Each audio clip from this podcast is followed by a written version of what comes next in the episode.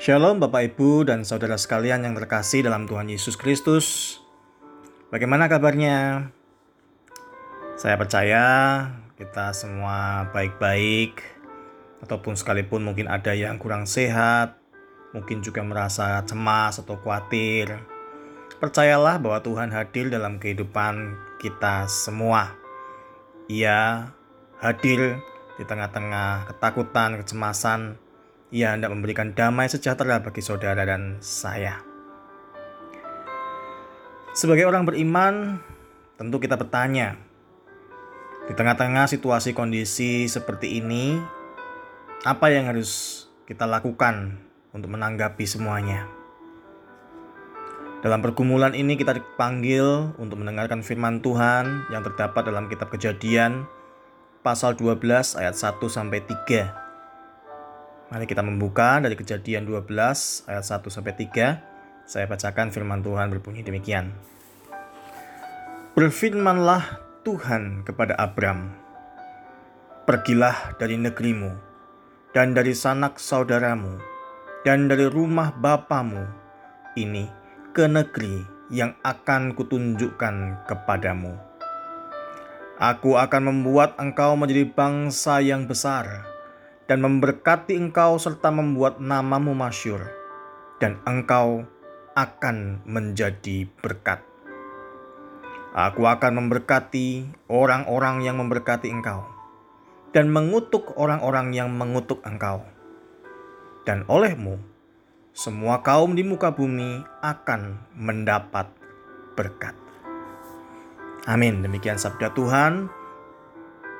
Bersyukur kita boleh mendengarnya, terlebih lagi jika kita boleh melakukannya dalam kehidupan sehari-hari. Bapak Ibu Saudara sekalian, Abraham sebagai cikal bakal umat Allah dikatakan dipanggil untuk keluar dari kemapanan, dari kenyamanan, kepada suatu hal yang Abraham tidak ketahui sama sekali. Kalau tadinya Abraham hidup di tengah-tengah saudara-saudaranya, kalau perlu bantuan, pertolongan, atau perlindungan tentu mudah. Ada rasa aman karena terpelihara dan terlindung. Tetapi tiba-tiba Abraham dipanggil Tuhan untuk pergi ke tempat yang belum ia ketahui. Tentu ia kehilangan rasa aman karena jauh dari keluarganya. Ia harus berjalan melalui tempat yang sama sekali asing belum lagi perasaan terancam dari orang-orang asing yang ia jumpai di sepanjang perjalanannya. Tetapi sekalipun Abraham harus menghadapi berbagai bahaya dan ancaman, rasa tidak nyaman karena perubahan drastis ini. Abraham tetap memilih untuk menerima panggilan Tuhan untuk menjadi umatnya dan belajar untuk hidup dalam pemeliharaan Tuhan. Dalam perjalanan iman inilah Abraham kemudian hidup seperti yang Tuhan janjikan, yaitu menjadi bangsa yang besar dan kehidupannya menjadi berkat bagi semua kaum di muka bumi.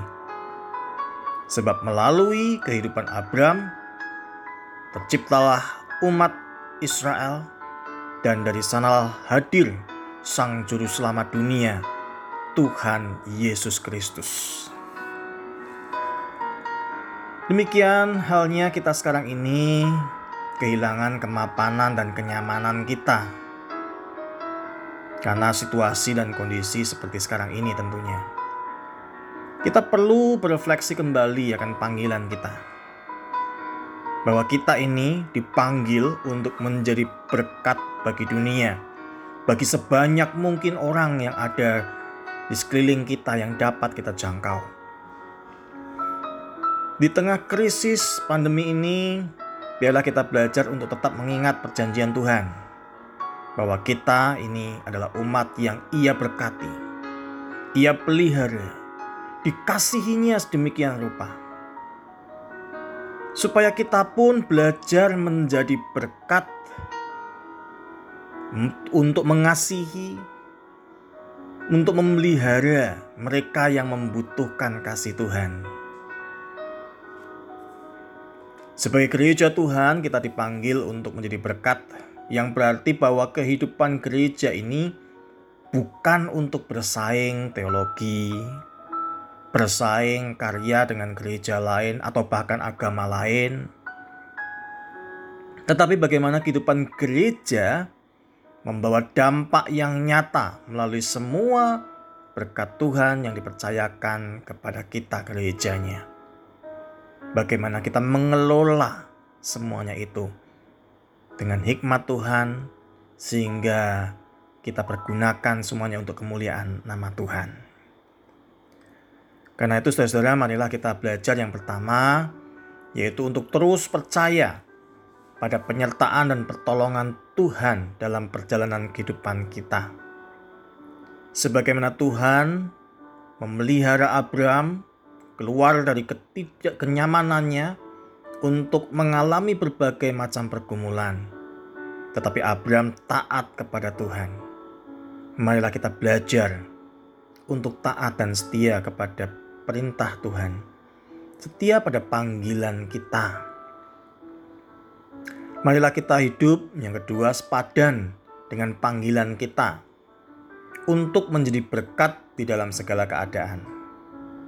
Seperti Abraham yang dalam segala keterbatasannya dipakai Tuhan menjadi umat pilihan Tuhan yang kemudian menghadirkan Yesus Sang Juru Selamat dunia. Demikian dalam segala keterbatasan dan kekurangan serta kelemahan kita, Tuhan ingin memakai kita juga untuk menjadi berkat.